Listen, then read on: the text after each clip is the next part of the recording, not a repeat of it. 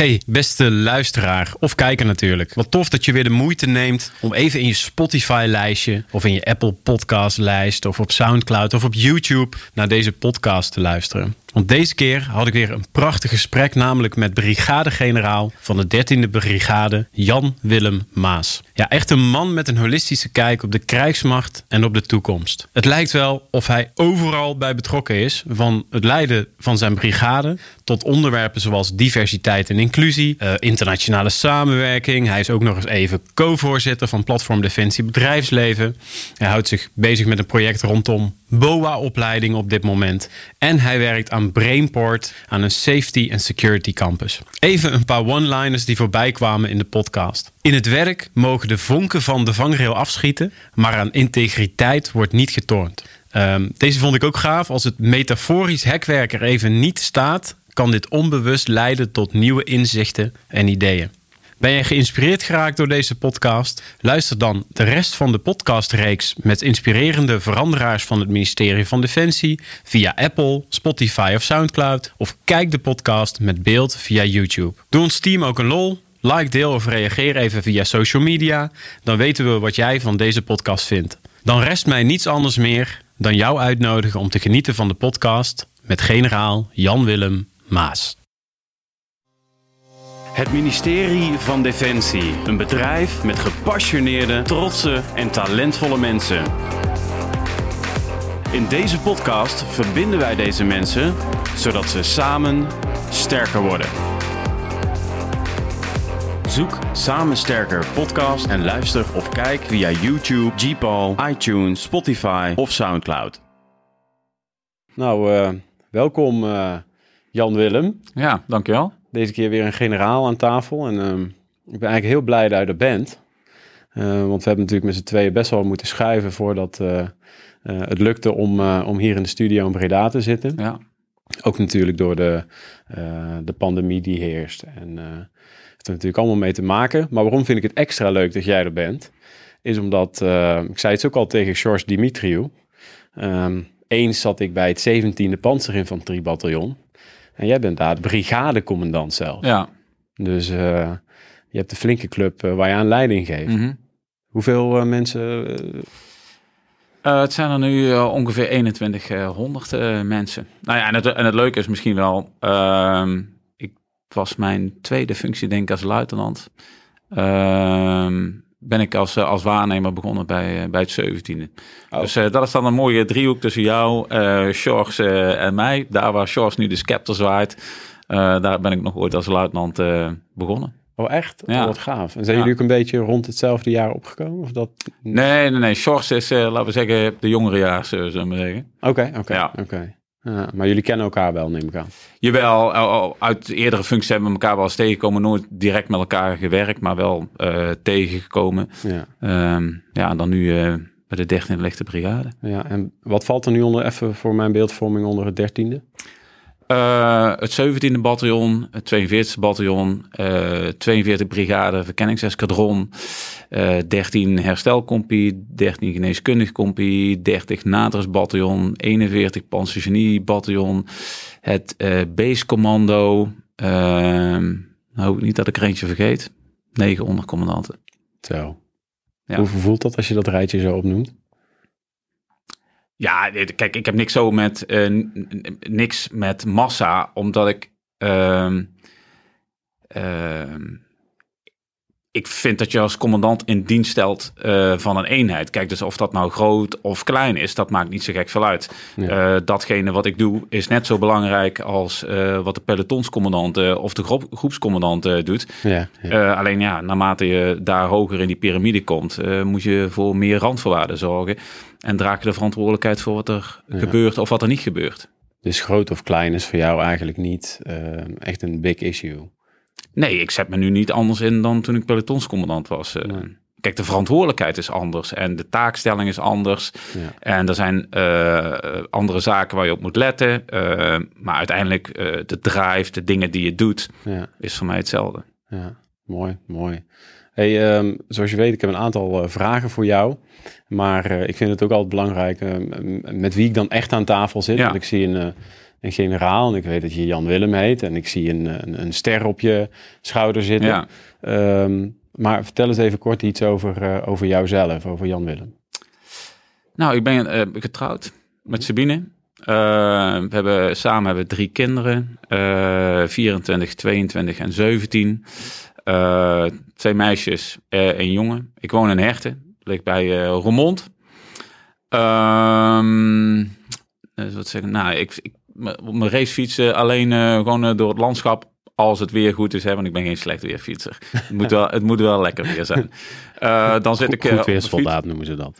Ja, zoals je zou willen. Maar, nee, ik vul hem in. Grapje. Nee, maar Grapje. met regen en kou ga je maar niet op een racefiets vinden. Nee, nee. Uh, dan zit ik meestal in de fitness of ga ik een rondje hardlopen. Ja. Ehm, lezen vind ik leuk.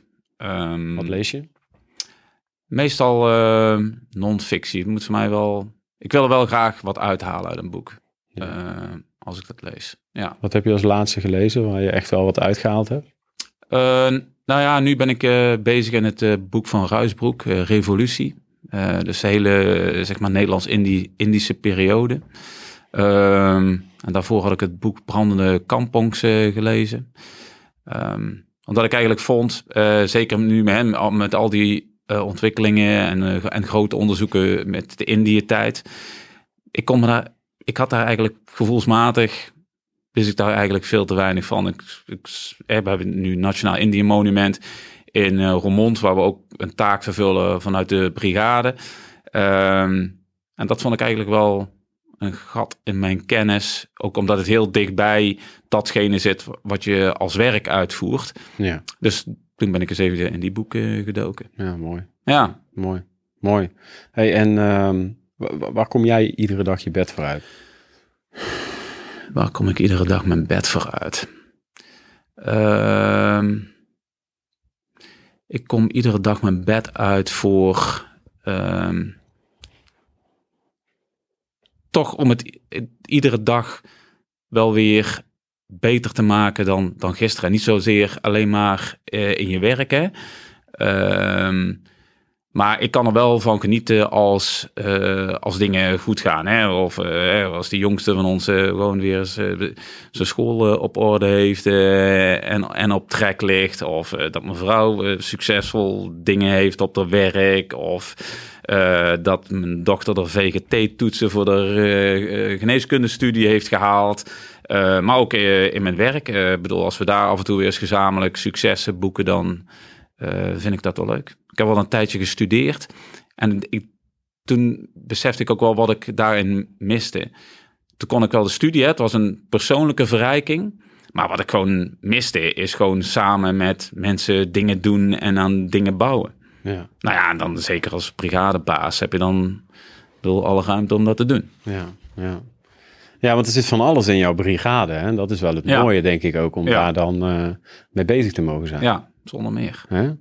Nou, ik zie in ieder geval een trots vader. Dus, ja. uh, en ook wel iemand, zoals ik je hoor, um, die kan genieten van de kleine dingen. Ja, want ik, ik denk ook niet dat ik zo, zoveel gek grote dingen doe. Uh, ik vind mijn werk leuk, maar ik vind het ook fantastisch om gewoon in mijn weekend gewoon niks te doen te hebben. En mijn vrouw op te fietsen, Roermond te fietsen, op het terras te zitten, een bier te drinken en weer terug te fietsen. Ik bedoel, uh, dat vind ik prima. Heerlijk toch? Ja, nee, dus ik hoef niet per se grote dingen te doen om, uh, om het geluk te vinden. Nee. Geweldig, geweldig. Nou, dat is jouw invulling. Hè? Ja. Dus ik ga nu, en daarna is het woord volledig aan jou. Ja. Um, maar ik heb best wel wat mensen gevraagd om, um, en ik moet echt mijn briefje erbij pakken. Ik heb het wel zelf geschreven, maar ik wil echt niks missen, Jan. Ja. Dus um, wat ik begrepen heb, um, dat je erg holistisch, oftewel compleet naar ons defensiebedrijf, in ieder geval naar jouw brigade kijkt. Mm -hmm. um, uh, bij defensie is natuurlijk elke keer iets anders nodig. Hè? De ene keer adaptiviteit en innovatie. En dan is er ineens heel veel aandacht nodig voor veiligheid. Uh, de ene keer gaat het winnen van het grootschalig conflict gaat voor. Mm -hmm. uh, en de andere keer hebben we het over samenwerking met partners. Een adaptieve krijgsmacht, civiel-militaire samenwerking. Dan gaat het weer over het gros militaire aannemen, maar dan hebben we het over maatwerk en talentmanagement. Mm -hmm. uh, het moet tegenwoordig allemaal tegelijk. Alles gaat tegelijk. Ehm, en uh, wat ons in ieder geval met de mensen die ik gesproken heb wel opviel, eigenlijk komt alles in jouw brigade wel bij elkaar. Um, en je houdt je dan binnen de 13e brigade ook nog eens met een aantal neventaken bezig. Ik zal ze even opnoemen. Ja. En vul ze aan of schrap er een paar als het niet meer uh, klopt. Je bent heel erg uh, betrokken met sociale veiligheid, diversiteit en inclusie. Mm -hmm. Dat is iets wat je heel belangrijk vindt. Um, adaptieve krijgsmacht, internationale samenwerking. Uh, je bent co-voorzitter van het platform Defensie Bedrijfsleven Limburg. Um, daar doe je onder andere een project rondom BOA-opleidingen. Um, je bent met Brainport aan een safety en security campus bezig. Mm -hmm. um, ja, heb ik iets gemist of niet?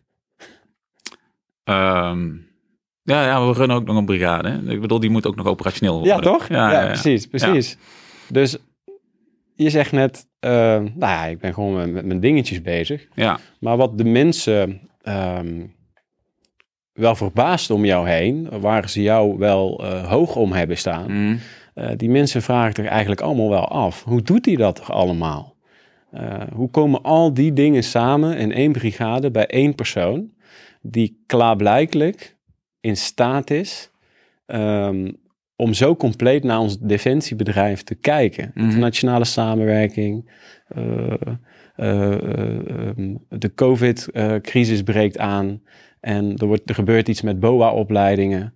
Uh, teststraten zijn ingericht, heb mhm. ik uh, gehoord, met militairen. Um, hoe doe je dat? Nou ja, ik zou haast willen zeggen dat ik het niet doe.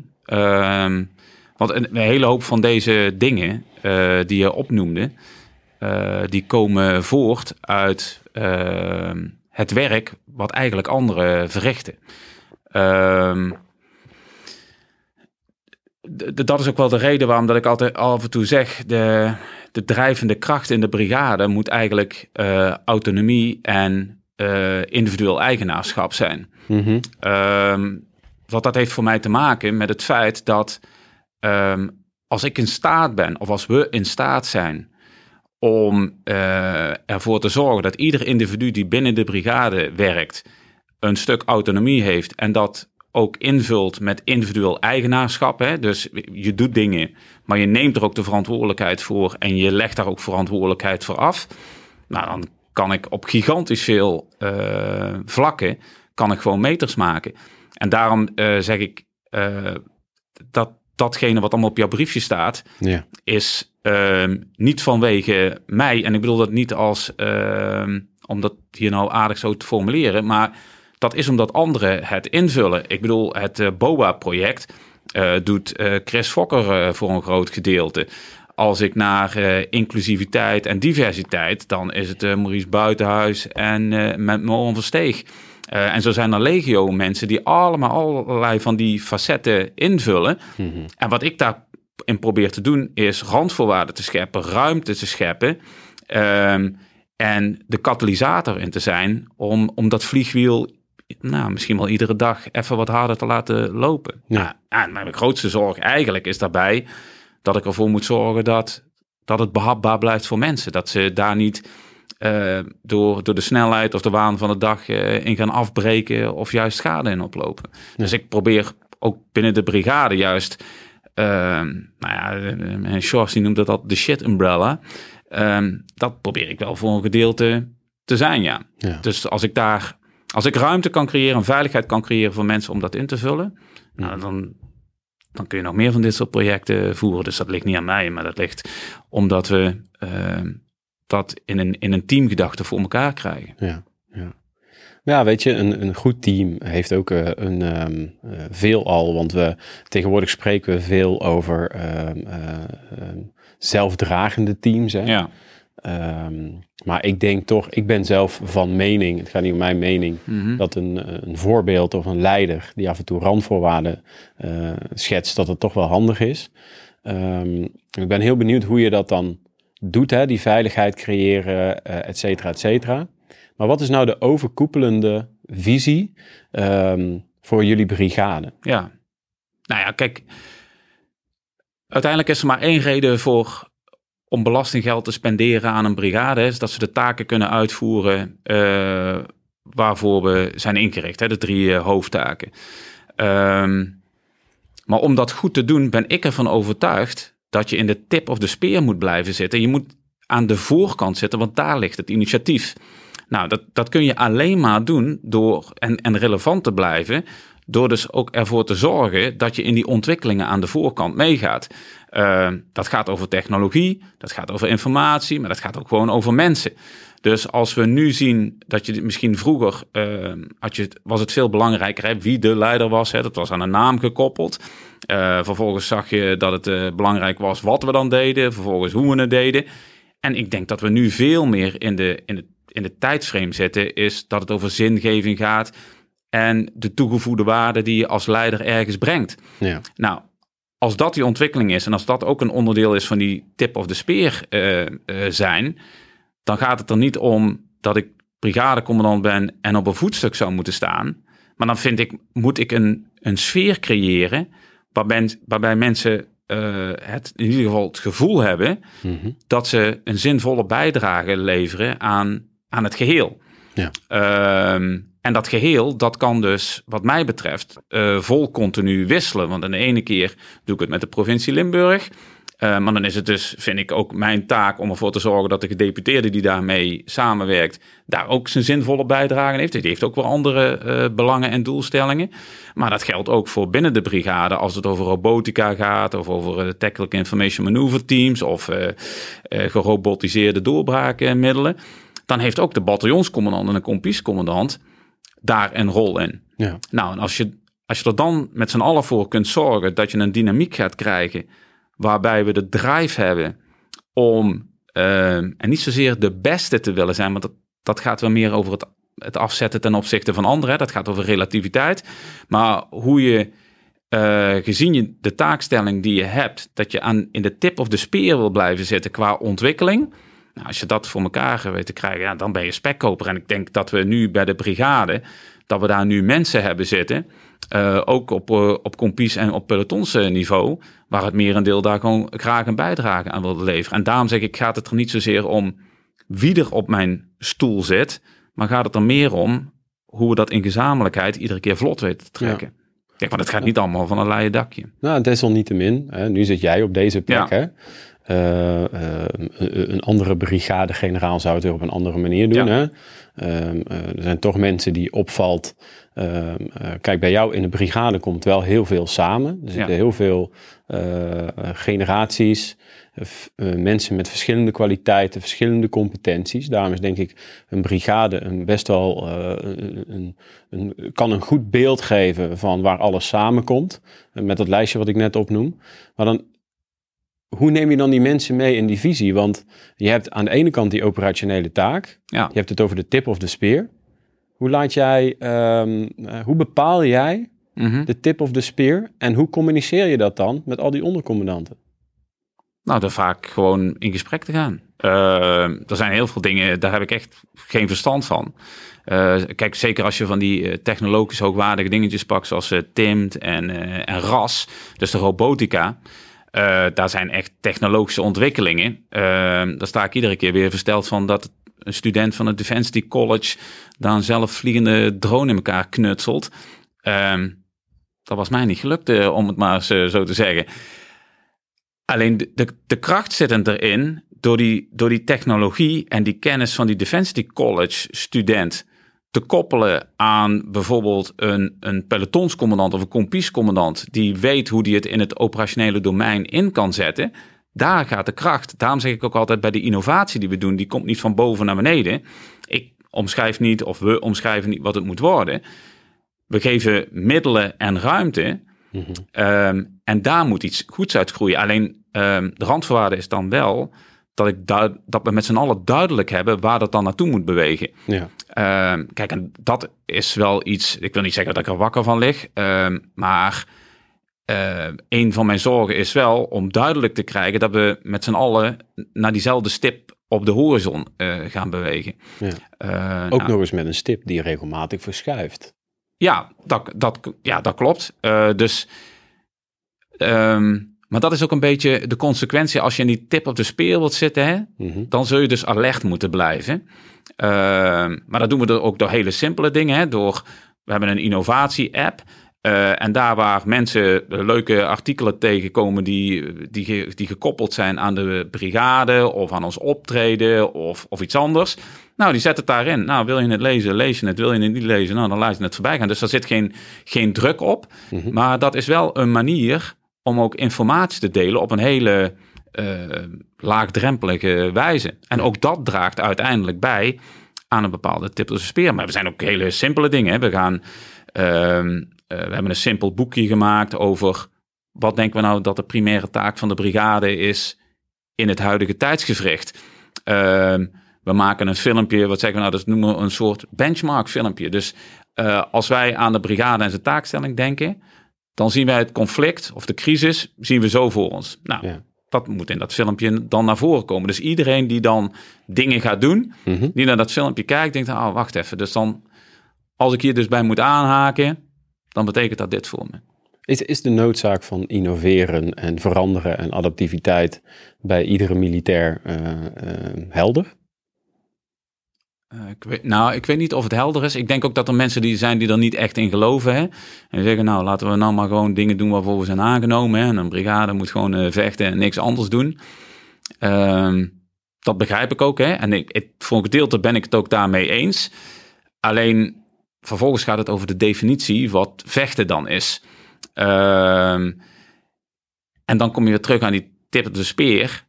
Als je een gevecht wilt winnen zullen het initiatief moeten hebben en zullen dus moeten zorgen dat jouw, jouw cycle van beslissingen nemen en acties genereren sneller gaat dan die, dat van die vijand. Ja. Uh, of je potentiële tegenstander.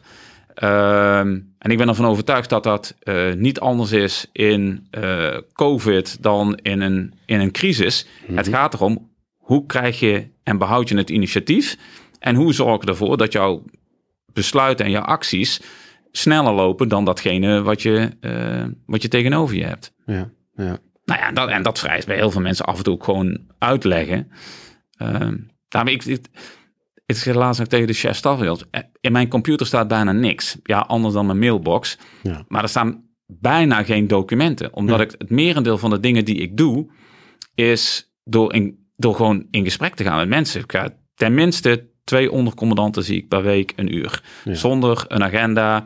Ik loop binnen, uh, we drinken koffie of we lopen rond. Uh, de ene keer gaat het over het kitesurfen van iemand.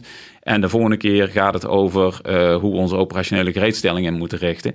Uh, dus dat, het kan overal over gaan. Mij maakt het niet uit waar het over gaat. Ja. Ik vind het belangrijk dat ik even iemand in de ogen kan kijken. En ik heb altijd wel iets dat ik denk, mm, daar moeten we het nog eens een keer even over hebben. Ja. Ehm, en zo probeer ik alles binnen die vangrails te houden. Wat, wat is jouw succes? Uh, ik weet niet hoe jong je bent, maar um, naarmate je ouder wordt, ik ben nu 35, je komt, ja. op een gegeven moment kom je er gewoon achter.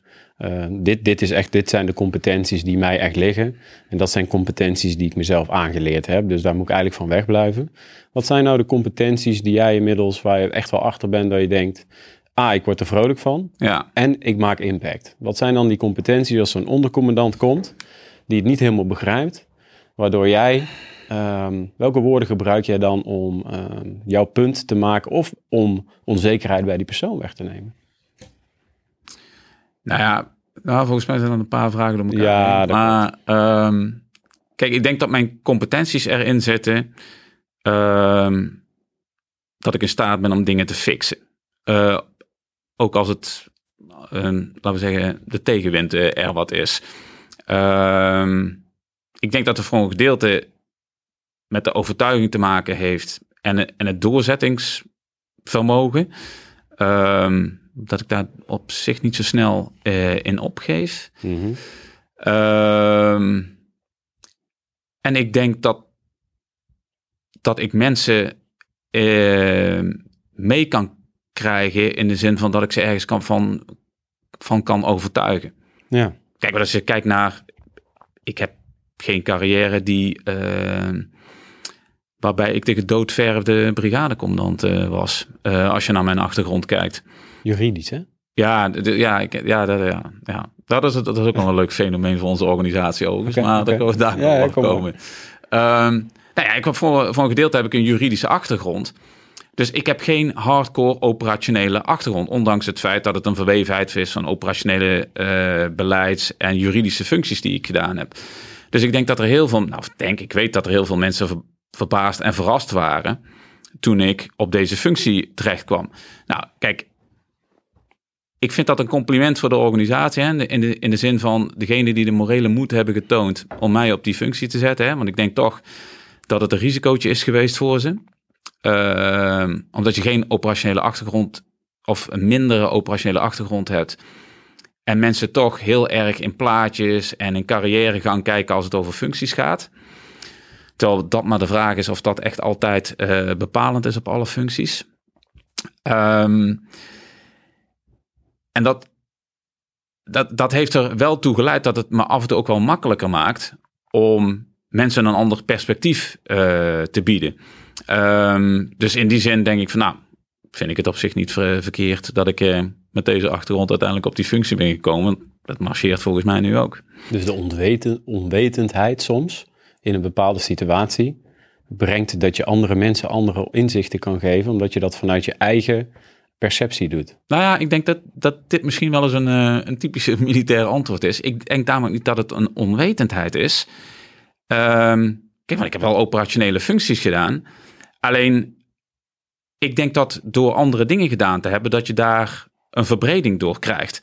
Ik, ik weet nog wel, toen ik uh, recht, rechten ging studeren, uh, mijn eerste paar weken waren we, nou ik wil niet zeggen een shock, maar wel even dat je in een andere wereld komt. Hè? Want ik was kapitein, ik ging studeren en ik kwam weer met 18-jarigen in van die werkgroepjes terecht. Mm Nou, die hadden echt niks met een kapitein hoor. Uh, en hadden ook geen sugar van wat de defensie inhield. Ja. Uh, maar we moesten wel gezamenlijk dat juridisch probleem uh, oplossen. Dus daar kom je met hele andere mensen en een hele andere benaderingswijze en een hele andere denkwereld kom je terecht. Ja. Uh, terwijl ik net uit Duitsland uh, bij de 41e afdeling vandaan kwam, waar het alleen maar eigenlijk over operaties ging. Ja. Nou, opeens kom je weer in een wetenschappelijke omgeving waar een 18-jarige zegt dat hij toch echt anders vindt en dat even met, met kort geformuleerde argumenten even op tafel legt. Nou ja, ja. dan is het af en toe wel even schakelen. Ja. ja. Wat heb je daaruit gehaald? Nou, ik denk dat ik daar dat ik daar wel genuanceerder door, door ben geworden. Ja. Ja, ja mooi hè. Als je dus niet het ge, geëikte pad volgt. Ja. Wat je dan mee kan nemen. Um, want dat is natuurlijk waar we binnen uh, Defensie al heel lang, hè, van het grootschalige conflict, dat we uh, op een bepaalde manier opgeleid hebben. We hebben veel generalisten opgeleid die veel moesten mm -hmm. kunnen. Uh, veel al, en daar zijn we steeds soepeler in, moest je vaste hoepeltjes daar moest je doorheen ja. om op die plek hè, waar jij nu bijvoorbeeld zit terecht te komen. Of een kapitein, net zo mhm. goed, of een luitenant. Ja. Um, dus eigenlijk levert het ook op dat je vanuit andere, uh, een andere perceptie, met een andere bril, um, uh, kijkt naar een functie zoals uh, bijvoorbeeld brigadecommandant. Ja, althans, ik kijk er op een andere manier tegenaan. Um, maar dat heeft er ook wel aan bijgedragen dat ik ook wel de, de toegevoegde waarde zie van, van verschillen. Uh, kijk, aan de ene kant is het, het, is het tijdgeest, hè? Uh, dat, we, dat we wat afgaan van vaste rollen en achtergronden. en aan de andere kant heeft ook die studie er wel aan bijgedragen dat ik ook wel de meerwaarde van anderen zie. Ik bedoel, we hebben laatst kwam een, een Noorse defensieattaché kwam op bezoek. Um, en namens een van de bataljons zat daar een vrouwelijke burgermedewerker die uh, tijdelijk bij ons werkt, die het verhaal vertelde over het optreden van dat bataljon. Um, ik vind dat niet erg, want mij gaat het erom, uh, wordt dat verhaal op de juiste manier over de bühne getrokken? Ja. Nou ja, dus Defensieattaché keek eerst, wat krijgen we nou? Hier een, een mevrouw die er gaat uitleggen hoe dat uh, met dat bataljon gaat. Nou, dat deed ze fantastisch. En dan denk ik van, dat is dus een prima voorbeeld ja. van als we niet uitkijken, ga je aan kwaliteiten voorbij die je gewoon binnenshuis hebt. Hè? Ja. Nou, en is, is dit natuurlijk maar een klein voorbeeld, maar zo zijn er meer uh, voorbeelden. Ja, ja. Autonomie, individueel eigenaarschap, dat is iets wat je uh, heel belangrijk vindt. Ja. Hoe draag je dat over op jouw uh, ondercommandanten? Is dat voor iedereen, um, uh, zijn dat termen die voor iedereen al heel erg top of mind zijn? Of is dat waar af en toe wel een klein beetje steun ehm, en ehm, onderwijs of weet ik wat voor nodig is? Of pakt iedereen dat heel makkelijk op? Nou ja, het merendeel pakt dat wel eh, goed op. Maar dat komt ook omdat er volgens mij voor mensen een positieve connotatie aan vastzit. Dat ze het, het appelleert aan het gevoel van vrijheid. Hè, dat je dingen kunt doen. Ja. Terwijl in mijn uitleg gaat het niet over dat je de vrijheid hebt, maar je hebt de ruimte om dingen te doen. Ja. En het individueel eigenaarschap, dat is de link naar de verantwoordelijkheid en de wijze waarop je het invult. Hè? Dus het is geen vrijblijvendheid Ja. dat je dan die autonomie hebt. Ehm, maar het, het- ik, ik ben ervan overtuigd dat dat randvoorwaardelijk is. Wil je tempo blijven draaien Ja. eh, ja. in een organisatie met allerlei verschillende eh, projecten ehm, en eh, allerlei verschillende mensen die daarin rondlopen. ja. Nou ja, en dat vereist. zo- Kijk, en ik, ik, ik kan daar zelf ook nog wel eens tegen zondigen. Maar dit betekent dus ook dat ik me af en toe gewoon eens een keer nergens mee moet bemoeien. En de dingen moet laten lopen. ja. Ehm, Vind je dat lastig? ja, ik vind dat soms wel lastig. Ja, want kijk, ik, daar lopen voldoende ehm, van, die, eh, van die projecten. En dan denk ik, hmm, toch eens eventjes kijken hoe dit of dat loopt.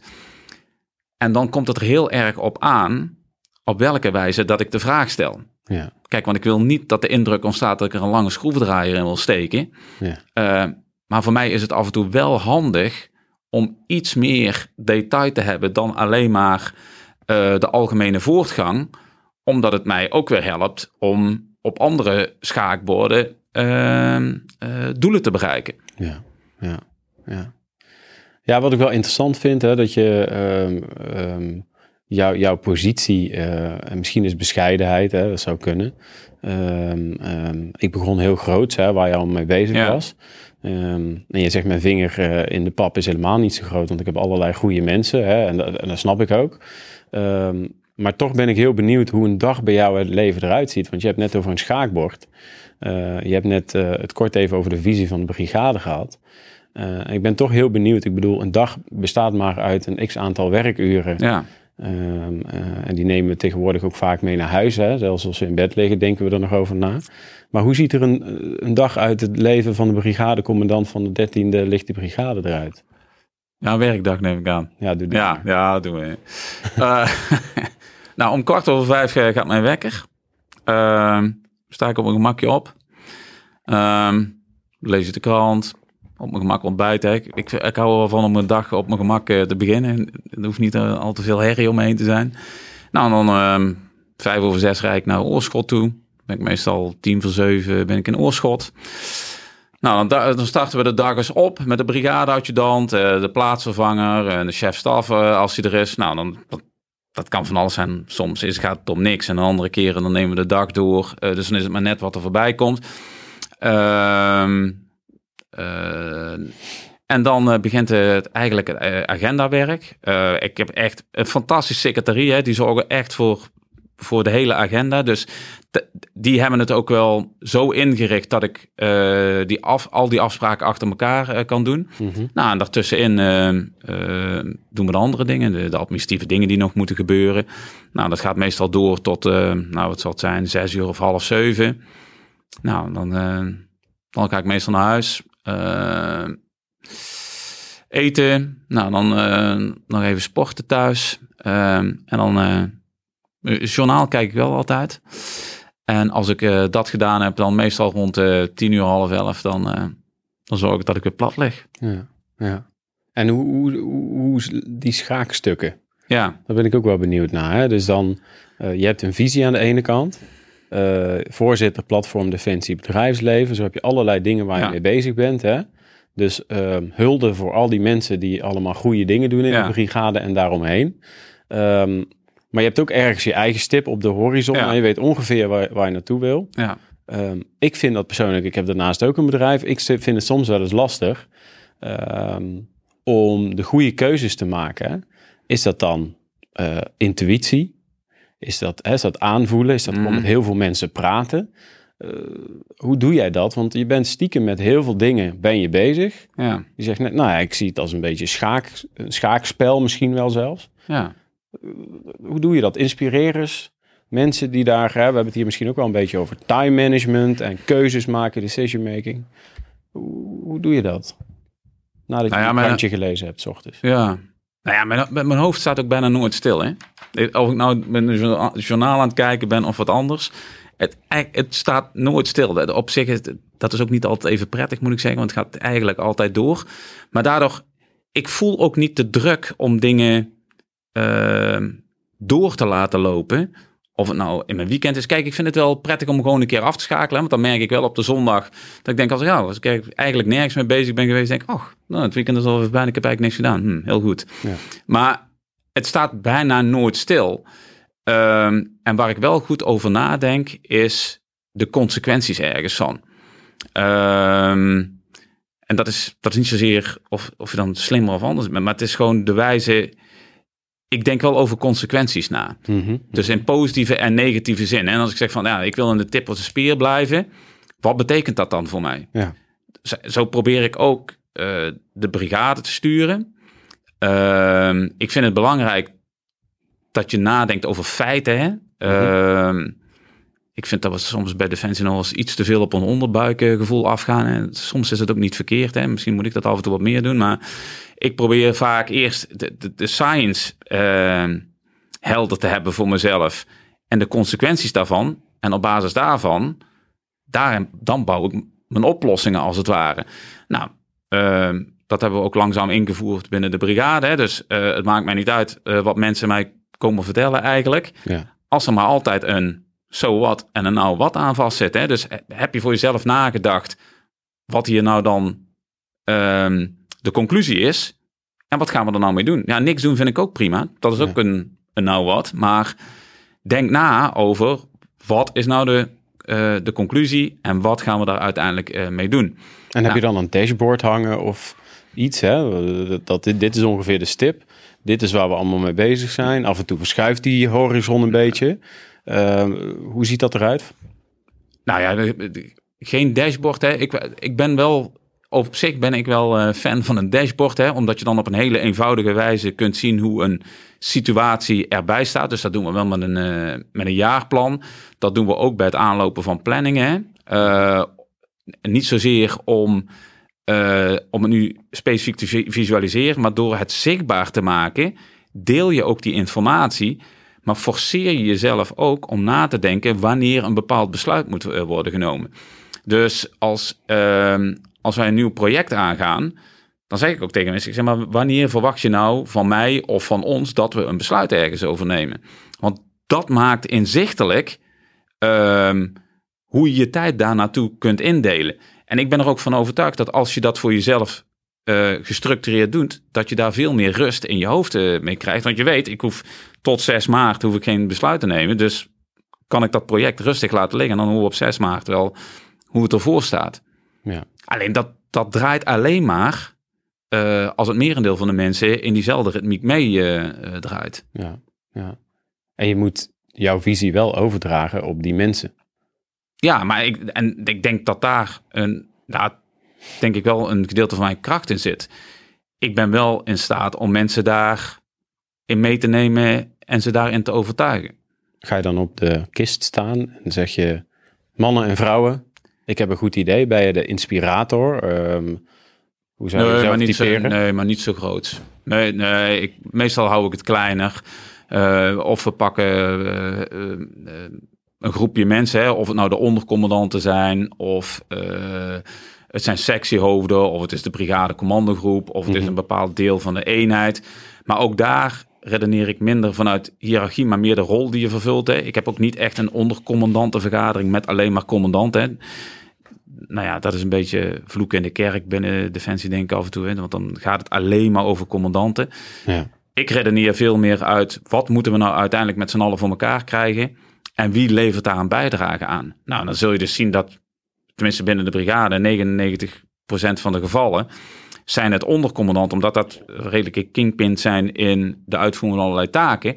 Maar zie je ook een aantal sectiehoofden binnen de brigade of functionarissen binnen de brigade die daar een bijdrage aan leveren. Eh, en daar dan dus ook bij betrokken zijn, ondanks het feit dat ze geen ondercommandant zijn en dus een andere rol vervullen of een, en een andere verantwoordelijkheid hebben. Bij ons levert dat geen problemen op, Ehm, omdat ik denk dat de relatie tussen mensen en het vertrouwen tussen mensen redelijk groot is in, in, het, in de groep mensen die er nu zitten. Ja. Kijk, maar mensen zeggen wel eens, ja, je moet alleen de ondercommandant hebben, want dan praten ze vrijer. Nou ja, eh, ik denk dat dat veel meer te maken heeft met hoe groot de groep is. Of mensen echt het achterste van een tong laten zien. Ja. Nou, dat is de reden waarom dat ik zoveel mogelijk eh, eraan probeer te houden. Dat ik in ieder geval twee ondercommandanten per week fysiek zonder een agenda zie. ja. Want dat zijn ook wel de momenten dat natuurlijk dat een naadje van de kous overkomt. Eh, heb je voor mij een ander synoniem voor tip of the spear? Ik wil even zeker weten dat we het over hetzelfde hebben. Ehm, relevantie in combinatie met, eh, met het initiatief. Mhm. Ehm, ehm, dus kijk, je kunt dat, kunt dat uitleggen als, als eagerness, hè, maar dat denk ik, dat is een negatieve connotatie. Kijk, ik, ik vind, en dat geldt ook voor een bataljonscommandant en ondercommandant. Hè, als je bataljonscommandant, dan verwacht ik eigenlijk dat je het beste van jezelf laat zien. Ja. Ehm, want je draagt verantwoordelijkheid, niet alleen voor jezelf, maar voor je eenheid, voor je mensen. Daar mogen we, daar mogen we verwachtingen van hebben. Daar mogen we dingen van zien. Dat geldt hetzelfde dus voor mij. Ehm, en dat geldt dus ook voor de brigade. Dus dan denk ik van, nou ja, hoe, hoe gaan we er nu voor zorgen hè, dat als morgen op de knop gedrukt wordt, dat ondanks het feit dat we alle beperkingen die we hebben, Mhm. dat wij toch succesvol gaan zijn in datgene wat we doen. Nou, Ja. dat betekent dus dat we wat aan vulling moeten gaan doen. Dat betekent dat we eh, wat moeten gaan doen aan, aan technologische innovatie. Eh, dat betekent dat we wat moeten gaan doen ehm, met, de, met de mensen die we hebben. Dus de- we kunnen niet alleen maar met eh 20 tot 30-jarige blanke mannen eh, zaken blijven doen. Want dat gaat op, op, een, op den duur gaat het een keer mis. En we laten heel veel kwaliteit laten we gewoon liggen. Kun je goed afstand nemen van, ehm, je kan niet alles weten. Kun je goed afstand nemen van, eh, van situaties en het laten gaan en kijken hoe het dan... Ja, ja, ja. Voor de mensen die, die alleen luisteren. Ik zie even een lachje. Ja, nou ja, ik, ik kan wel afstand nemen, maar dan moet dat initiatief wel bij mij liggen. Kijk, waar ik, eh, waar ik niet zo goed eh, mee om kan gaan, is ehm, als, ik het, als ik het gevoel krijg eh, irrelevant te worden. Dat is, niet zo een, dat is niet zo aan mij besteed. En heb je het dan over irrelevant te worden persoonlijk of irrelevant te worden als brigade? Nee, voornamelijk voor dat laatste. Kijk, persoonlijk hè, denk ik, ondanks dat ik, eh, ik, ben best ambitieus, hè, maar ik denk persoonlijk dat ik het nog niet zo'n zo'n probleem vind. Oké. Dan denk ik, nou ja, pff, Ja. weet je. Dus ik speur wel enige, eh, eh, inderdaad, je zegt ambitieus al. Maar ook wel iemand die de beste wil zijn misschien. Ja, maar ik, in mijn vocabulaire is dat ook geen slechte eigenschap. Nee, nee, nee. Maar dat Het is maar ook. net, nee, nee, nee, maar de connotatie zit er vaak aan. Hè? Ja, dus ja. ik, ik zeg altijd, het is niet erg om de beste te zijn. Ja. Het gaat erom hoe je daarmee omgaat. Ja. Eh, op de wijze waarop je met je omgeving eh, omgaat. Ja. Nou ja, gisteren hadden we een klas, eh, die, de, de volgende een cursus hè, voor een com- een commandantencursus. Ik zeg soms, ehm, kun je zeggen van, dat ga ik niet doen. Of eh, dat past niet. Dus zeg maar om een binair antwoord te geven. Mhm. Ehm, je kunt er ook voor kiezen om de vraag te stellen en uiteindelijk het antwoord te laten ontstaan. Mooi. Dat, ik bedoel, dan heb je hetzelfde effect. Ja. Bij het eerste ga je weerstand oproepen.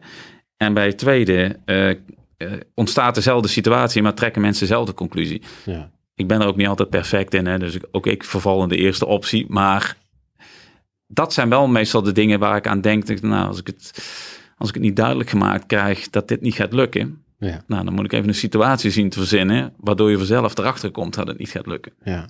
ja. Hey, eh, waar haal jij je inspiratie vandaan? Je hebt het over die tip of the spear. We hebben het gehad over eh, dat de horizon eh, is belangrijk. Dat je weet waar je heen wil. Ja, eh, relevantie is belangrijk. Ehm, waar haal jij? Je hebt net wat boeken genoemd, dat je wat Ja. leest en dat je fietst. En, maar als jij het eens even niet meer weet. in welke zin bedoel je dat? Nou, eh, ik denk, kijk, jij bent ook een mens van vlees en bloed. Ja. En ehm, eh, jij moet ook weten waar je heen wil. Ik denk dat je ook wel eens ooit voor onzekere keuzes staat. Mhm. Ehm, wat, wat doe jij dan? Nou, mijn, mijn grote sparringspartner is denk ik eh, wel mijn, mijn vrouw. Ehm, die heeft al wat ellende over zich heen gehad wat dat betreft. Maar dat, nou, kijk, als ik, als ik er echt een baal van heb, dan heb ik het er meestal met haar over. Of eh, gewoon met mensen in mijn omgeving. Ja. Ehm, kijk, want ik realiseer me wel dat als het over lastige besluiten gaat, dan ben ik uiteindelijk degene die, die daardoor voor de verantwoording draagt. Ik wil ook niet dat iemand anders daardoor voor de verantwoording draagt. Ik zou daar zelf denk ik boos over worden als iemand denkt dat hij daar de verantwoording over zou moeten gaan dragen. Ja. Ehm, dus dat vind ik mijn verantwoordelijkheid en dat, dat, dat doe ik dan ook. Maar ik probeer wel aan de, aan de voorkant wel even mensen daar eens in te bevragen. Om ervoor te zorgen dat ik, dat ik geen dingen over het hoofd zie. Ja, ja. ja mooi, mooi. Ja, ze zeggen het wel eens, hè? een uh, succesvolle man. Uh, hoe zeggen ze die zin?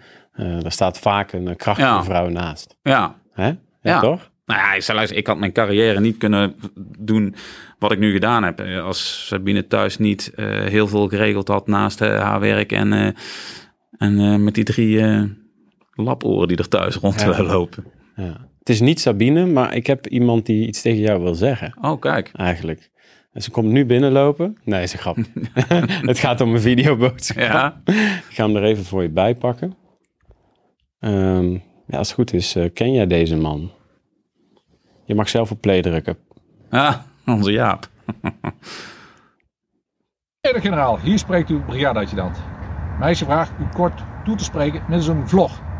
Dat doe ik hier bij ons mooie monument van onze mooie brigade. We hebben elkaar een kleine twee jaar geleden leren kennen middels een kennismakingsgesprek in Münster om te kijken of er een klik zou zijn. Ik als brigadeadjudant en nu als brigadecommandant. Een kleine twee jaar verder denk ik dat het goed is gekomen. Hoe u mij inspireert is het volgende. Hart met een T en hart met een D. Aandacht voor de mens, vertrouwen geven, maar ook het eigenaarschap en mensen verantwoordelijkheid geven en daarop afrekenen op het moment dat de zaken niet kloppen. Ik denk dat het een goede keuze is dat wij met z'n twee dit team hier vormen. En ik eh, ga elke dag met een glimlach naar mijn werk. Dat wij wel ook belangrijk vinden, mensen glimlach de poort binnen gaan, maar ook weer s'avonds met een glimlach naar huis gaan. En daar proberen wij invulling aan te geven. U met het drie bollen schema en ik met de vierkante meter van het militair. Dank u wel. Kijk. Kijk. Dat is mooi. Alsjeblieft. Ja. Met wie hadden we het genoegen hier in het uh, videootje? Ja, met de adjudant Jaap van Schaik. Dat is de, de brigade-adjudant. Uh, dus uh, zeg maar de, de oudste onderofficier binnen de brigade en, en de onderofficier naast de commandant. En in dit geval dan de brigadecommandant. Ja, ja. Hoe leuk vond je dat om hem zo even te zien? Ja, ik vond het wel leuk. Dat was verrast. Hij had ook niks tegen mij gezegd. Dus, oh, echt niet? Nee, nee, nee. We delen toch, toch veel, maar... Ja. Ja. Nee, kijk, met Jaap kan ik prima samenwerken. we hebben er ook doelbewust voor gekozen om als een, als een team naar buiten te treden. Hè? Ondanks het feit dat we verschillende verantwoordelijkheden hebben. Mm maar we treden wel als, als een command team naar buiten toe. Ja. voor mij is dat belangrijk omdat ik dan ook uitdraag datgene wat ik graag binnen de brigade wil zien. Dat die samenwerking gezocht wordt, dat ik dat ook op mijn niveau uh, laat zien. Want uiteindelijk is uh, de adjudant hè, het boekbeeld van de onderofficieren binnen de brigade, maar ook veel benaderbaarder voor soldaten, corporaals en onderofficieren, dan dat ik dat gevoelsmatig uh, ben. Ehm, is dat nog steeds zo, denk je? Jawel, kijk, ik, ik merk het iedere dag. Hè zo'n lauwerkrans op je schouder werkt niet altijd in je voordeel om met mensen in gesprek te gaan. Ja. Uh, hoe graag je dat zelf misschien ook zou willen. Uh, is, is wel iets hè, waar, waar je natuurlijk aan kunt werken. Mm -hmm. uh, dat proberen we ook wel te doen. Eh, maar eh, dat, dat blijft, ja, ik, ik vind dat blijft vaak een beperking. Ik zie die behoefte wel. Jawel, omdat ik ook, ik ben er ook echt van overtuigd dat uh, en dat is, dat is niet om, omdat het nou uh, mooi en modern is, maar ik ben er echt van overtuigd dat als we met z'n allen niet tot het naadje van de kous komen en dingen achterhouden of verborgen blijven, dat we onnodige energie aan het verbranden zijn. Ja. En dat is ook waarom dat ik altijd zeg, het gaat er niet om uh, wat je op je schouder hebt, maar wat je uiteindelijk bijdraagt aan dat groter geheel. Ja. Nou, en ik denk, ehm, eh, dat met al die onderwerpen die je daar eh aansnijdt, dat we gewoon binnen de brigade laten zien dat als je echt de samenwerking zoekt, Ja. maar die ook invult, maar het dan ook laat zien, Ja. ehm, dat het gewoon werkt. Ik bedoel, het is niet voor niks. Ik zit al altijd wel eens eh, zo'n hashtag eh, samenwerking, eh, samenwerken loont op Facebook en zo. Ja. Ehm, om het gewoon in alles wat we doen, het zoveel mogelijk uit te laten. Dat betekent niet dat je geen mensen gaat vinden die zullen zeggen van, nou ja, ik, ik heb mij nog meer zeggen met die samenwerking met die Maas. Ehm, maar dat zijn wel meestal ehm, de mensen waar ik, eh, laat me zeggen, in dat tweede aspect van, eh van Jaap in terecht kom. Kijk, Ja. ik, ik kan ook wel redelijk ehm, ja, snoeihard zijn als het gaat om ehm, als zaken niet goed gaan. Ondercommandanten mogen voor mij echt tegen de vangrail, dus tegen de toelaatbare aanlopen. Ik zeg als, voor mij mogen de vonken van de, van de vangrail afschieten. Ja. Ehm, maar integriteit is iets waar we niet aan gaan tornen. Ja. Dus willens en wetens, wet en regelgeving overtreden, mensen willens en wetens in een onveilige situatie brengen, Ja. dan, krijg je, dan heb je aan mij een slechte baas. Ja. Eh, of afspraken doelbewust niet nakomen. Kijk, dat kan een keer gebeuren. Daar moeten we geen hobby van maken. Dan heb je aan mij een slechte baas. Ja. Eh, ongewenst gedrag vertonen in de brigade. eh, daar ben ik echt onverbiddelijk in. Ja. Daar ga je er echt uit. Ja. Dus ik zie hier, ehm, ik zie hier een, een, een vader met een gezin. Ehm, en ik zie hier de jurist. Ja, Hè? Dus hart met een T en hart met een D. Dat is eigenlijk wat Jaap zei. Hè? ja, ja, Hè? ja. Dus je bent ook wel, eh, ik denk dat hè, eh, eh, in opvoeding is dat zo. Maar ik denk ook als je toch wel een leidinggevende functie hebt, dan is denk ik helderheid ja. en duidelijkheid is, is heel prettig voor heel veel mensen. Nou ja, is niet alleen heel prettig, maar ook gewoon heel erg duidelijk. En ik denk, we hebben laatst eh, het onderzoek werkblik gehad. Hè? Dat was het oude picture-onderzoek. Dus hoe mensen hun werk beleven op, eh, op de kazerne. Ehm, en daar zagen we ook dat, we, dat het, de, eh, het percentage mensen wat met ongewenst gedrag in aanmerking komt, is van 12 naar 3% gedaald. Nou ja, ik denk dat het voor een gedeelte komt, omdat we daar gewoon glashelder in zijn. Mhm. Je hoeft voor mij niet allemaal vrienden te zijn met elkaar. Ehm, maar ongewenst gedrag is niet iets wat past in een organisatie waar ik voor verantwoordelijk ben. Ja, ja, En dan, dan, ga je, dan loop je uiteindelijk tegen mij aan. ja, ja. De drie bollen. Ja, Wat, wat bedoelt Jaap met de drie Ah. bollen en de vierkante meter van de militair? nou, ik heb eigenlijk, ehm, eigenlijk maar twee overzichten eh, waarmee we de brigade sturen. Dat is aan de ene kant het command climate. Hoe we dat gevisualiseerd hebben met eh, vertrouwen, verbinden, eh, veiligheid en verantwoording. Ja. En aan de andere kant eh, de slide waarop de drie hoofdthema's van de brigade staan. Mhm. Nou, dat zijn missies en inzet. Nou, dat is de bol die bovenin staat. Dat is waar we op aarde zijn. Dat is waar we betaald worden. Mhm. En wat moet dus, dat moet dus geregeld zijn. En die twee bollen kunnen, dat, dat hoofdthema wordt gedragen door innovatie. Mhm. Dus dat is gekoppeld aan die tip op de speer. En dat is gekoppeld aan het personeel. Nou, ieder hoofdthema valt uit elkaar in, in deelfacetten. Ehm, zo staat bij de missies eh, staan de dingen die we natuurlijk doen, maar ook de operationele gereedheid, de operationele mindset. Ehm, bij personeel staat inclusiviteit, maar ook eh, de vulling, eh, de opleiding van personeel. Ehm, en innovatie staat robotica, future maneuver element, maar ook sociale innovatie. Mhm. En zo probeer ik mensen de, eh, laten we zeggen, de stip op de horizon te laten zien. Wat vinden we nou met z'n allen belangrijk Mhm. eh, in het dagelijks werk wat we doen? Ja. Nou, en alles wat we doen, en dat is eh, zeg maar de vierkante meter van de militair. We hebben vastgesteld dat ehm, behoud is eigenlijk het, het belangrijkste van je personeel.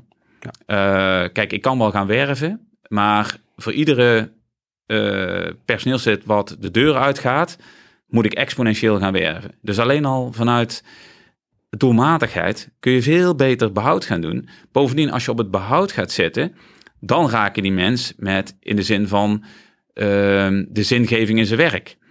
Ehm, en dat hebben we gekoppeld aan de vierkante meter van de militair. Dus eigenlijk alles wat we binnen de brigade doen aan, aan werk moet gekoppeld zijn aan de vierkante meter van de militair. En en de militair is voor mij alles vanaf uh, overste tot en met de soldaten. Ja. Dus daar heb ik bewust kolonels buiten gelaten en bewust de brigadecommandant buiten gelaten. Omdat ik vind dat die de verantwoordelijkheid dragen om die vierkante meter in te vullen. Uh, en die vierkante meter gaat over waardering, over opleidingen, over infrastructuur, over beloning, over waardering. Alles wat het individu daarin raakt. Ja. Dus op het moment dat we met uh, infrastructuur bezig zijn of er moet geïnvesteerd worden, hebben we dus bewust de keuze gemaakt om het geld wat er dan is, Mhm. om dat te investeren in de, in de legering uh, uh, van soldaten en onderofficieren. Zit er ook uitrusting in bijvoorbeeld? Daar zit ook, ja, zit ook uitrusting Ja, in. Dus uh, uitrusting heeft er bijvoorbeeld toe geleid dat we wisten dat er sets, nieuwe sets over waren. Nou, en daar is uh, de adjudant mee bezig geweest om die weer voor het brigade verkenningseskadron binnen te halen. Ja. Dus dan, daar spenderen we ook bewust uh, en geconcentreerd tijd aan. Ja. Is, is, dit, is dit iets wat van uh, jou komt, die hoofdthema's? Dus uh, missie, inzet, innovatie, personeel, vierkante meter van de militair?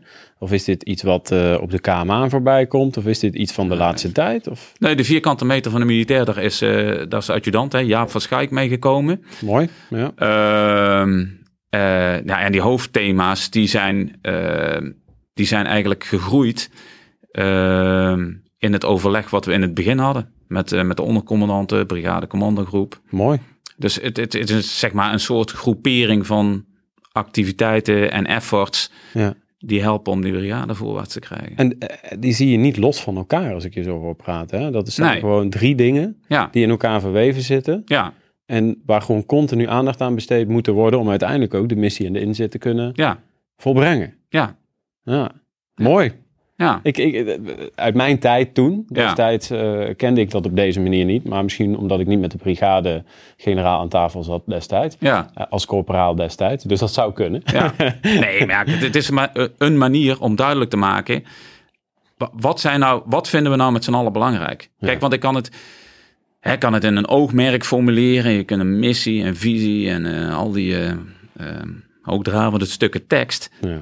Maar dat, dat leest geen hond. Dus als er nu mensen op bezoek komen, of ik, uh, we hebben uh, jonge officieren bij elkaar. Het is één slide, hè? Zoals gisteren ook bij die command commandantencursus. Ik heb twee slides. Dit is wat ik doe en dit is hoe ik het doe. Ja.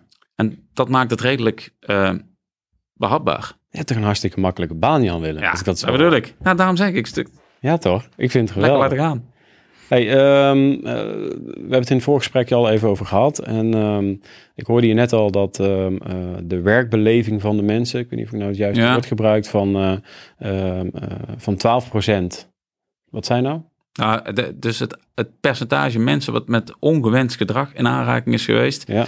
is gedaald van 12 naar 3 procent. Kijk, kijk. En Ja. heb je, uh, je hebt net een klein beetje ingevuld, maar heeft dat te maken met die vierkante meter van de militair? Nou, Dat die zich meer gezien en dat, dat, dat, dat dan mensen ook automatisch minder ongewenst gedrag gaan vertonen, omdat ze prettig op hun werk komen? Nee, nou, ik denk niet dat er, dat er een direct verband is tussen het een en het ander. Uh, het, het gaat erom waar we, wat we met z'n allen uh, belangrijk vinden. Uh, dit zit ook voornamelijk bij ondercommandanten. Maar ik zie nu bataljonscommandanten uh, zich zorgen maken en invulling geven om uh, pesten op de werkvloer te voorkomen. Ja. Uh, ik zie bataljonscommandanten bezig zijn met het gesprek te voeren met iemand die transgender is. Ik zie een andere bataljonscommandant invulling geven aan omgaan met homoseksualiteit binnen een eenheid. Ja. Nou ja, met alle respect. Toen ik hun leeftijd had, deden we daar nog niet zo gek veel aan. Hè? Dus ik Nee. zie nu jonge leiders komen die uh, zaken of aan zaken aandacht besteden, die we met z'n allen misschien tegen in, die tijd dat jij nog bij de eenheid rondliep, Ja. uh, niet als normaal uh, vonden. Ik heb nog wel meegemaakt toen ik luitenant was en een jongen die homoseksueel was, die werd gewoon weggepest. Ja. Nou, dat, dat, dat, is gewoon verschrikkelijk dat je dat overkomt. Dus Ja. daarom vind ik dat goed dat we, dat, dat we daar nu wel aandacht aan besteden. Ja. ja, we hebben natuurlijk met elkaar een maand of drie geleden aan de telefoon gezeten. Ehm, nu vul ik een beetje voor je in, Ja. want het is een paar maanden geleden. Maar toen gaf je aan dat dat wel iets is waar je heel trots op bent, toch? Ja, ik, dat, dat, ja, ja, ja, dat vind ik wel. Dat we dat, dat, dat een, een goed ding is wat we bereikt hebben. Ja, ja.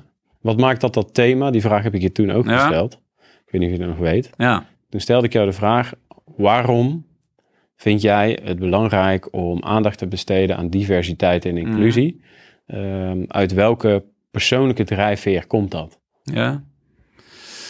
Ja, volgens mij zei ik toen, misschien ben ik zelf ook wel wat anders. Zei ik toen toch, volgens niet? Precies wat je Ja, zei. ja, ja, ja. En toen zei ik: Jan Willem, punt. Ja, Daar gaan we het in de podcast over hebben. ja. Ja, ehm, nou, ik denk dat ik in heel veel dingen... Ik kan me nog wel herinneren, die- toen zei iemand... eh, die kwam me ergens tegen en toen zei hij tegen een vriend van mij... Hij zegt, ik vind het helemaal geen militair. Eh, zei iemand over mij. En eigenlijk voelde ik me op dat moment echt enorm gekrenkt. Wat krijgen we nu? Ehm, maar toen realiseerde ik mij ook wel dat datgene wat je uitstraalt, is dus klaarblijkelijk anders als wat je denkt dat je bent. Of in ieder geval dat risico loop je. Ehm, en als ik dan nu kijk hoe mijn eigen carrière bij Defensie is verlopen. Hè, begonnen bij de archerie, vervolgens rechten gaan studeren, jurist geweest. Eigenlijk, hè, als ik het op de keper beschouw, heb ik maar een paar jaar heb ik juridische functies vervuld. Ehm, ik denk maar een jaar of vier, vijf of zo dat het echt juridische functies waren. Ehm, vervolgens weer terug het operationele domein in. Maar ik kom nooit meer af van dat eh, juridische stickertje wat ik heb. Ja, Mij maakt het allemaal niet zo gek veel uit. Ehm, maar dat heeft mij wel doen beseffen, al die, al die facetten bij elkaar, dat je, je wordt dus klaarblijkelijk impliciet afgerekend over het beeld wat anderen van je hebben. ja, Ehm, maar daarmee, en toen zei ik wel eens, ik zei ooit wel eens, ik zei, nou weet je wat, als ik dan een juridische brevet heb, zeg leg mij maar dan tegen zo'n HDV'er. Ik zeg, ik ga die competitie wel aan. ja. Ik zeg, dat, dat zit wel in me. Ik zeg, laat maar, laat maar komen. Ja, nee, maar dat was toch allemaal lastig. En eh, toen ik terugging, moest ik toch ook wel weer eh, terug naar de archerie. Of in ieder geval, moest terug, nee, ik mocht terug naar de archerie. Dus dat is een eigen keuze en dat vond ik een prima keuze. Ehm, maar dat had ook te maken met eh, de kraagspiegels, de plaatjes, de verwachtingen wat mensen hebben bij iemand van een wapen of van, van, van de juridische dienst. Eh, terwijl ik dat eigenlijk diep in mezelf eigenlijk enorm onrechtvaardig vond. ja. Ehm, dat ik op basis van een plaatje of een, een, een kraakspiegel Ja. op die manier beschouwd werd. Dus dat, dat heeft mij ook wel ehm ertoe gebracht dat ik hier er misschien nu af en toe eens wat vaker en wat harder op druk. Dat ik zeg van nou, weet je wat, kijk nou eens eventjes er doorheen. ja. Ehm, dat lukt mij ook niet altijd, hè? want ik bedoel, ik heb af en toe ook als vooroordelen. Ik denk, mm, moet dat nou wel zo? Ja. Ehm, maar ik ben er wel eh, bewust mee bezig. En dan, daarom probeer ik, want ik denk ook, ik heb dat als commandant schoolbataljon ook gedaan. Hè? Toen heb ik echt op alle niveaus die ik had, zowel binnen de staf als vanaf eh, groepsniveau, dus groepscommandanten tot aan co- kompiescommandanten, er eh, bewust op aangestuurd ehm, dat er vrouwen rondliepen Ja. omdat ik wilde dat soldaten op het moment dat ze binnen de organisatie komen en de, de- zeg maar de eerste schok hebben ervaren dat ze in een hele strakke organisatie komen, dat ze meteen zien dat het dus niet alleen maar over blanke mannen gaat, Ja. maar dat het dus ook over vrouwen gaat. Kijk, en ook daar ben ik wel eh, wat wijzer in geworden in de zin van ik probeer het nu wat behendiger te doen, hè, want ik heb ook al ervaren, het is niet handig om dan die vrouw daar neer te zetten, want als ik dat weer niet handig genoeg doe, straalt dat negatief af op die, op die mevrouw. Hè? Mhm. Ehm, maar ik zie nu dat we, we hebben een vrouwelijke, ik heb een vrouwelijke ondercommandant bij de stafcompie. Ehm, ik, we hebben gekeken naar een vrouwelijke commandant voor het 30 Nadres-bataljon, Ja. omdat hij toen eh, moest wisselen. Ehm, de commandant van de stafcompie is geen enkel issue. Want die is gewoon in het, in het traject meegegaan. De vrouw was de beste en de vrouw is het geworden. Punt, klaar. Ja. Dus dat. Ook als ik er met haar over heb, daar, daar, zit, daar zit geen frictie op. Nee. Nou, en als we dat nou eens met elkaar voor, me- voor elkaar krijgen, hè, dat we, ook als je anders bent of er misschien even anders uitziet, Ja. ehm, ja, dan, eh, dan moet dat ook kunnen. Kijk, daar staat wel tegenover, hè, discussie heb ik ook wel eens gehad. tegelijkertijd bekleed je ook wel weer een ambt. Hè? Uh, dus als ik in mijn, uh, in mijn korte afgeknipte spijkerbroek en meteen slippers en een t-shirt op de kazerne aankomt, dan denk ik dat er mensen hun wenkbrauwen naar boven trekken. Ja. Dus daarmee is niet gezegd dat iedere verschijningsvorm goed is. Mm want je vertegenwoordigt iets. Maar het is ook niet zo dat je per definitie vanwege je verschijningsvorm er niet zo toe zou doen. Ja. Nou, laten we dat dan eens met z'n allen omdraaien. En ook daar gaat het weer over autonomie en eigenaarschap. Hè? Uh, gaan we nou eens eventjes kijken hoe we mensen daar uh, met elkaar om kunnen laten gaan. Nou, dan zie je dus dat er bij een infanteriecompie uh, zat een jongen, die was homoseksueel. En op een gegeven moment zegt een van die onderofficieren tegen zijn kompiescommandant. Hij zegt, wist je dat Jans homo is? Ja, zegt dat wist ik al lang. Dus alleen, hij wist het niet, maar die, dat, dat ging normaal. Nou, ik zeg, als ik, als ik dat soort dingen zie, dan denk ik van, nou, daar hebben we dus binnen Defensie enorme positieve stappen gemaakt. Ja, ja. ja mooi, mooi. Mogen we onszelf zijn? Nee, ja, nee we moeten onszelf zijn. Hè? Ja, ja precies. We moeten ons zijn. Dat is wat ik bedoel. Hè? Ja. Dus, uh, het jezelf mogen zijn. Ja. Um, um, daardoor denk ik ook, dat is mijn persoonlijke mening, uh, dan haal je echt het talent naar boven van iedereen. En dan maak je een, uh, een, een, mooi team, denk ik. Ja, en als zelfs iemand uh, die op een gegeven moment de transitie ingaat, uh, transgender. Uh, ik vind het een prachtig voorbeeld. Ja. Ik heb een keer een traject begeleid met, over DNI. Um, um, dat die mensen gewoon in zo'n organisatie, waar je zelf al zegt, waar we alleen met een pak en met allerlei sjaaltjes en met onderscheidingstekens al heel veel onderscheid aanbrengen. Ja als we zelfs in zo'n organisatie uh, aandacht besteden aan diversiteit en inclusie en daar stappen in aan het maken mhm. zijn, dan denk ik dat we uh, op de goede weg zijn, toch? Nee, absoluut. Ja. Zijn er ook nog dingen dat jij zegt van, um, uh, dit is waar we heel goed in zijn. Hè? Dus ja. we zijn, jij zegt, al op het schoolbataljon nam ik die vrouwen mee. En, of in ieder geval uh, vertelde ik tegen iedereen van, uh, er zijn hier ook vrouwen. En dat ja. is heel normaal. Ja.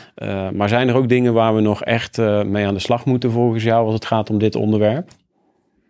Ja, kijk, ik denk dat we ehm, soms dus wat meer moeten kijken naar ehm, hoe we dingen mensgerichter kunnen maken. Hè. Dat is ook wel een beetje een modewoord. Hè. Maar kijk, ik kom nu af en toe mensen tegen die willen of het proces uh, aflopen, hè, dat, want, want, zo staat het omschreven. Mm -hmm. Dan denk ik van ja, uh, ik zeg, wat, wat, zouden we willen bereiken? Ik zeg, en hoe, hoe kunnen we het mogelijk maken zonder allerlei regels uh, te overschrijden? Ja.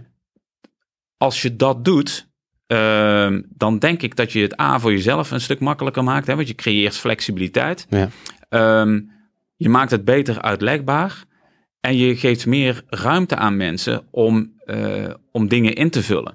Ja. Uh, daarom is ook da daar. Ik heb in het begin wel eens gezegd. Dat is me trouwens ook niet goed bevallen. Maar toen zei ik tegen ondercommandanten. Ik zeg, nou ja, ik zeg, je kunt alles doen. Hè? Ik zeg, want uh, zolang ik geen nee hoor kan het allemaal wel. Nou, dat werd dus sommigen dan ook wel weer wat te ver opgerekt. Ja, ja. Maar de, de kerngedachte blijft hetzelfde.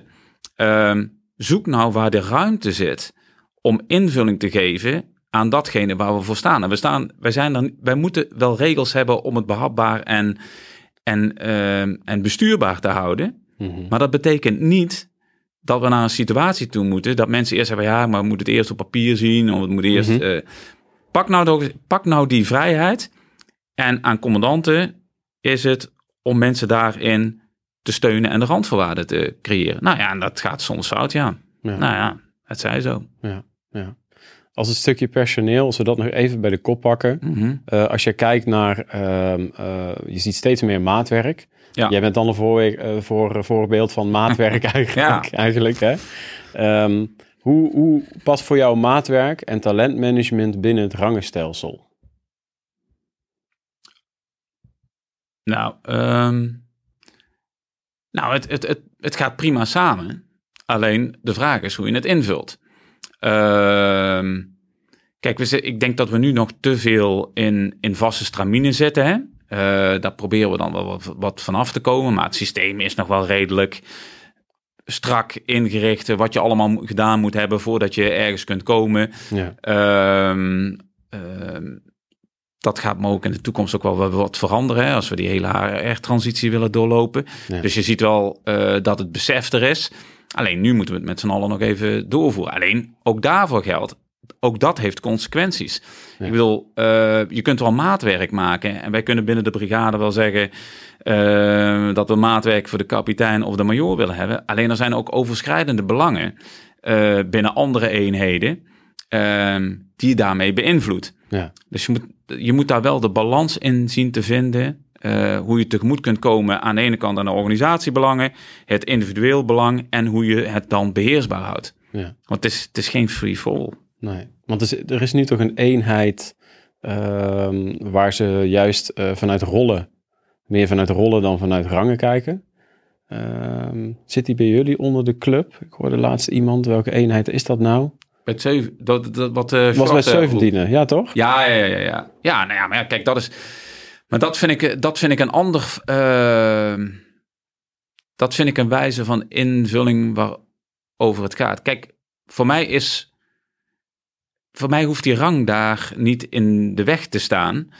ehm, omdat de rang gaat over de verantwoording die je ergens voor draagt. Ja, Uh, maar dat betekent niet dat datgene wat je met z'n, met z'n allen of waar je voor staat, voor de taakstelling waarvoor je staat, ja, eh, dat je dat niet op basis van rollen kunt doen. Dus we hebben, we hebben ook binnen de brigade wel eens eh, eh, eh, gesprekken over onderwerpen waar het echt over de rol gaat die op dat moment vervult en niet zozeer over de hiërarchie. Als het bijvoorbeeld gaat over eh, eens in de, in de maand hebben we eh, hè, met de ondercommandant een aantal sectiehoofden een overleg. Nou, daar zit meestal altijd wel één moment van een soort van intervisie in.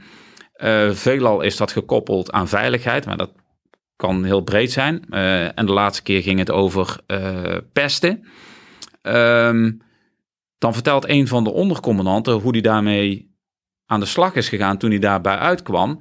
Ehm, maar ook wat hij daarbij lastig vond, of wat hij gedaan heeft wat achteraf niet zo goed uit bleek te pakken. ja, Ehm, dat is volgens mij een gesprek wat je voert op basis van rollen, maar Ja. niet op basis van hiërarchie. Want ik neem op, de, op eenzelfde manier deel aan dat gesprek als eh, het sectiehoofd wat erbij zit of de bataljonscommandant die erbij zit. Omdat, er, omdat het erom gaat dat we met z'n allen leren van die casus die hij gehad heeft. ja, Ja. En dan gaat het dus niet over hiërarchie. Dus wat mij betreft ehm, past dat prima. Want op het moment dat het pesten helemaal uit de hand loopt... en het eh, wordt, laten we zeggen, eh, een issue wat naar, eh, naar de commandant landstrijdkrachten gaat... ja, dan is dat mijn verantwoordelijkheid. En dan is het dus... Dan voel ik het als mijn fout, wat fout is gegaan binnen een bepaalde eenheid. Ja. Nou, binnen de brigade lossen we dat dan wel weer op. En dan, met oplossen bedoel ik niet onder de mat vegen. ja, Maar dan ga ik wel in gesprek met de bataljonscommandant wat er mis is gegaan en hoe we dat de volgende keer kunnen voorkomen en hoe we het nu kunnen oplossen. Ja. Ehm, maar dat doet niks af aan het gesprek wat we op zo'n moment hebben over hoe heb je het ervaren en hoe heb je het Ja. opgepakt. Ja, dat is dan op jullie niveau. Hè? Ja. Waar ik ook eh, op doel, is een stukje ehm, ehm, vroeger, hè? heel Mhm. vroeger. Eh, je was corporaal, je had een functieomschrijving. Dit is wat jij doet. Ja, Ehm, en eh, wat ik nu hoor is dat er veel meer ruimte is. Voor hetzelfde geld is die corporaal voorzitter van de, van de voet- voetbalvereniging in het weekend. ja, misschien op cybergebied eh, zit hij al jaren op zijn zolderkamertje. Te, te, te- hè, eh, eh, is hij bezig met, eh, met zulke soort dingen. ja. Ehm, ehm, eh, daar is veel meer ruimte voor, heb ik het idee. ja, dat is er ook wel. Omdat we een hele hoop van die innovatieprojecten, waar bijna iedereen, iedere eenheid heeft al een innovatieproject. Ja, Eh, daar zie je dat, eh, dat het veelal mensen zijn die het ernaast doen. ja, eh, of tijdelijk dat werk doen, Ja. eh, omdat het bij ze past vanwege hun competenties, of dat het het aanspreekt, of dat ze bepaalde kennis en ervaring hebben die daar goed bij past, of omdat mensen tijdelijk bij ons werken, zoals Ja. die, eh, die juffrouw die bij, dat, bij die Noorse DEFAT aanwezig was. ja, Nou, die werkt tijdelijk bij een van de eenheden en die vult daar ook zo'n taak in. ja. Waar ben je trots op? Op, op zo'n voorbeeld dat je zegt van nou, die wil ik echt niet aanzien komen. Dat vind ik zo gaaf dat, dat iemand van een soort soldatenscorporaal ineens ehm, op de bühne staat en iets bedacht heeft. Heb je daar misschien een leuk voorbeeld van? Eh, nou ja, Ik denk dat dat ging over coöperatie naar de onderofficiersopleiding eh, zouden gaan. Eh, en daar zat één coöperaal bij. Ehm, maar die was de omstandigheden, was hij als het ware coöperaal. Hè? Want hij had en veel meer in zijn mars, had drie kinderen, was getrouwd. Maar toen die, toen die man aan het vertellen was, eh, zeg maar, hoe zijn traject eruit ge- gezien had en hoe die daar eh, invulling aan had gegeven, toen dacht ik, die, die, die man, die moet je bijna een standbeeld geven dat hij in de omstandigheden waar hij in gezeten heeft, Ja. Een gezin gesticht heeft, zijn werk heeft opgepakt, eh, weliswaar zijn school niet helemaal eh, heeft afgemaakt, hierin gekomen is, nu drie kinderen heeft en, zich, en toch weer gaat investeren om onderofficier te worden. Ja. Nou ja, kijk, dan denk ik van, nou weet je wat, dan ben ik een zondagskind daarbij. Ja. Eh, dat is gewoon fantastisch dat, dat iemand dat doet. ja. Dat is toch weer die autonomie en die eigenaarschap, hè? Ja, nou ja, hij heeft het terug echt, echt handen en voeten gegeven voor zichzelf, ja. Ja. Ja, Ik heb een klein cadeautje voor jou. Ja. Ehm, de regie moet dat even komen brengen hier. ja. Eh, dan wil ik nog heel even kort over, over jou hebben. Of je nog tips en tricks hebt voor, eh, ehm, voor, eh, ehm, voor, eh, voor de mannen, vrouwen, collega's die eh, eh, veranderaars zijn en die kansen zien. ja. Eh, volgens mij ben jij wel een man met lef en durf. Dat is wat ik krijg te horen uit mijn omgeving. Ah. En om daarop te proosten, ja? eh, het is aan jou. Ik heb het, ik heb het even voor de veiligheid in een groot teamoverleg met alle kopstukken gisteren gevraagd. Kan ik dit maken? ja. Eh, de mensen daar, onder andere Wendy, zei dat kun jij zeker maken. Maar Ja. we laten het gewoon aan Jan Willem. Dus eh, pak hem maar uit. Ik ben Nou. benieuwd eh, Ik zal het even uitpakken dan. voor de mensen die luisteren. Er wordt hier nu eh, door de generaal een, een flesje uitgepakt. Ah, de Calvados. Ja, ja, ja, ja, ja. Ja, de Calvados. Ja. Ehm, ooit eh, heb ik die gedronken. Toen Ja? ik mijn fusilierskoord eh, mocht ontvangen. Ja. Eh, waarom drinken we die, eh, Jan Willem?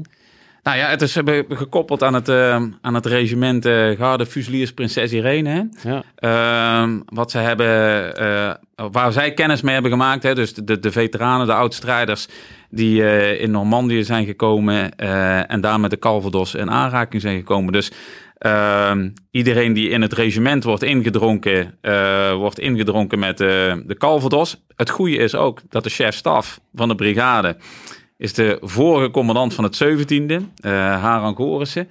Dus iedere officier die binnen de brigadestaf eh, wordt bevorderd, daar doen we dat veelal eh met Calvados. Dus eh, wat dat betreft is het herkenbaar. Maar we gaan nu... Nou, het flesje, je mag hem sowieso meenemen. Maar ik had toch echt wel het idee om gewoon toch wel op, het, op de brigade. Hè? Dat Ja. zeiden we al op het regiment. Maar laten we even een klein slokje op de brigade drinken als jij dat leuk vindt. ja, dat lijkt me een goed plan. Kunnen we eigenlijk wel gewoon doen, hè? Ja, zeker. Nou, op dit moment is Jan Willem. Is, is, ik zal het tijdstip niet noemen. Donders. is een klein glaasje aan het eh, inschenken. Ik zeg heel bewust een klein glaasje. Ja, heel Ja? goed, heel goed. En waar gaan we dan eh, op proosten, Jan Willem? Laten we maar eens proosten op het leven. Eh, en in, in zijn algemene zin. Ik zeg gisteren al, hè, gisteren zien we het geval van, van de corporaal. Waarbij eh, eh, zijn ouders op de, op de IC eh, eh, liggen. Ja. Waarbij zijn, zijn vader is overleden en zijn moeder nu slecht ligt. Ehm, eh, mijn eigen vader die gisteren opgenomen is in het ziekenhuis. Ehm, dus het kan zomaar met je gebeurd zijn. Dus wat dat betreft denk ik, het is mooi om leuk werk te hebben. Dat heb ik absoluut. Ja. Maar het allerbelangrijkste is dat we daarin gezond blijven Ja. en er nog lang van kunnen genieten. Ik zie het aan je. Alsjeblieft. proosten. Zeker, Yes. alsjeblieft. Proost. Nee, gezondheid.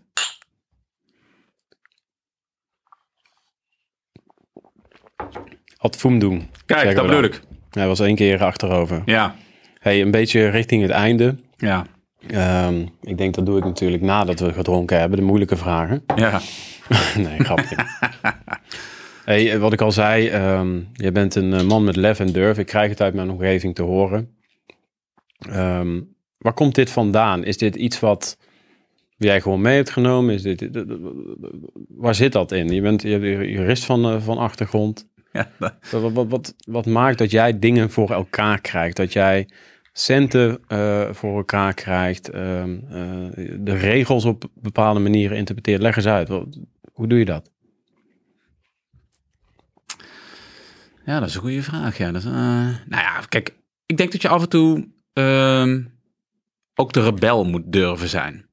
Ehm, ik denk niet dat ik dat altijd geweest ben, hè, want, eh, maar misschien komt de wijsheid wel met de jaren. Ehm, af en toe moet je gewoon eh, de rebel zijn. En de rebel, dat, dat klinkt een beetje uh, George en Jimmy-achtig.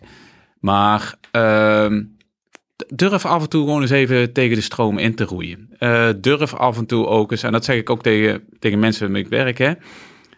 Kom mij ook eens aan mijn kleed. Weet je wel, daag me nou eens uit. Mhm. Ehm, en, en doe het gewoon eens keer. Ik bedoel, het risico wat je loopt is niet zo gek groot. Nou, wat kan het slechtste wat je kan gebeuren? Je kan een keer uitbrander krijgen. Ja. Zegt vaak meer over degene die het roept dan degene die het ontvangt. Ja. Ehm, maar ik denk dat dat ehm, ons allen ehm, ten goede komt.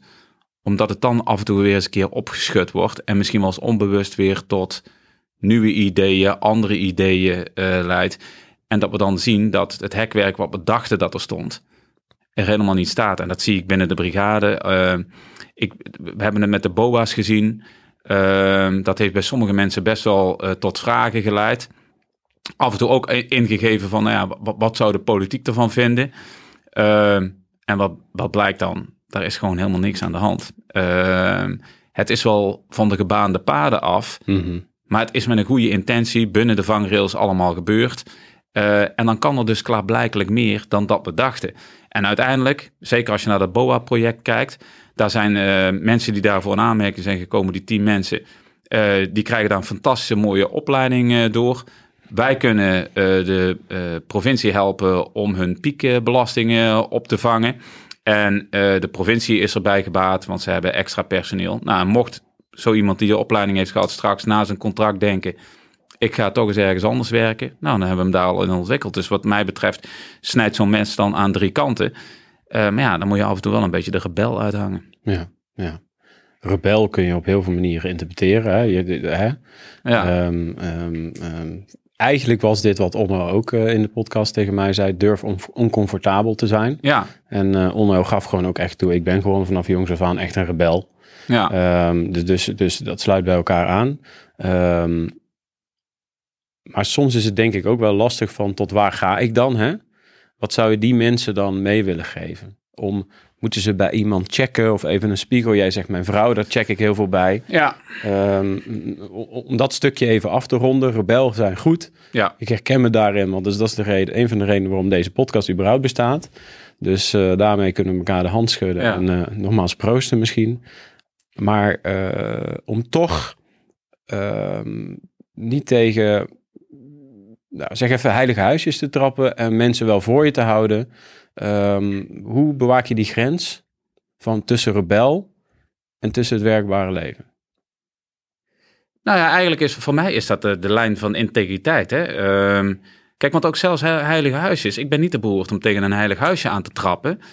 Maar dan moet het wel, dan moet het zin hebben en je moet daar de dialoog over voeren. Eh, dan is het helemaal niet verkeerd. Want degene die dat als een heilig huisje eh, beschouwt, is misschien best wel bereid om dat op een andere manier te zien. Als je met hem daarover in eh, dialoog gaat. Alleen die rol van rebel zit er bij mij in. Iemand moet degene zijn die daar de voortrekkersrol in heeft. Iemand moet nou zeggen van...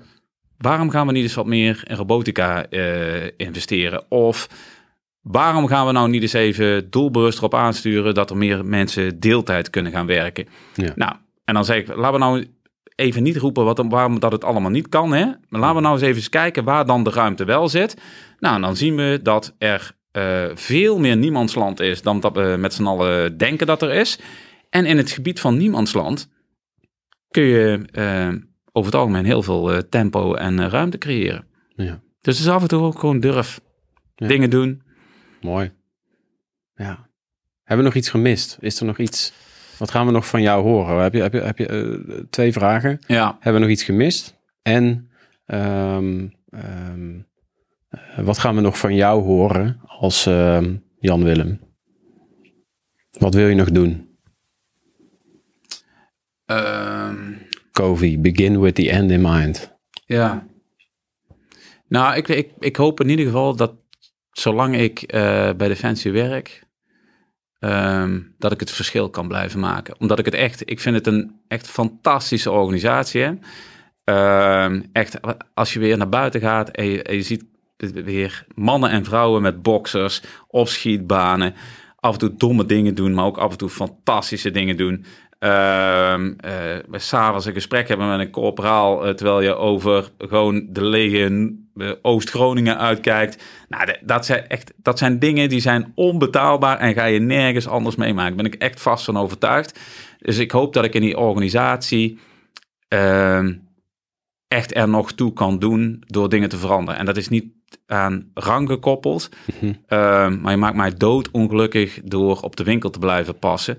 Dus ehm, nou ja, laat dat allemaal waarschuwing zijn voor degene die me ergens plaatsen. Daar waar ze me neerzetten, gaat het meestal bewegen.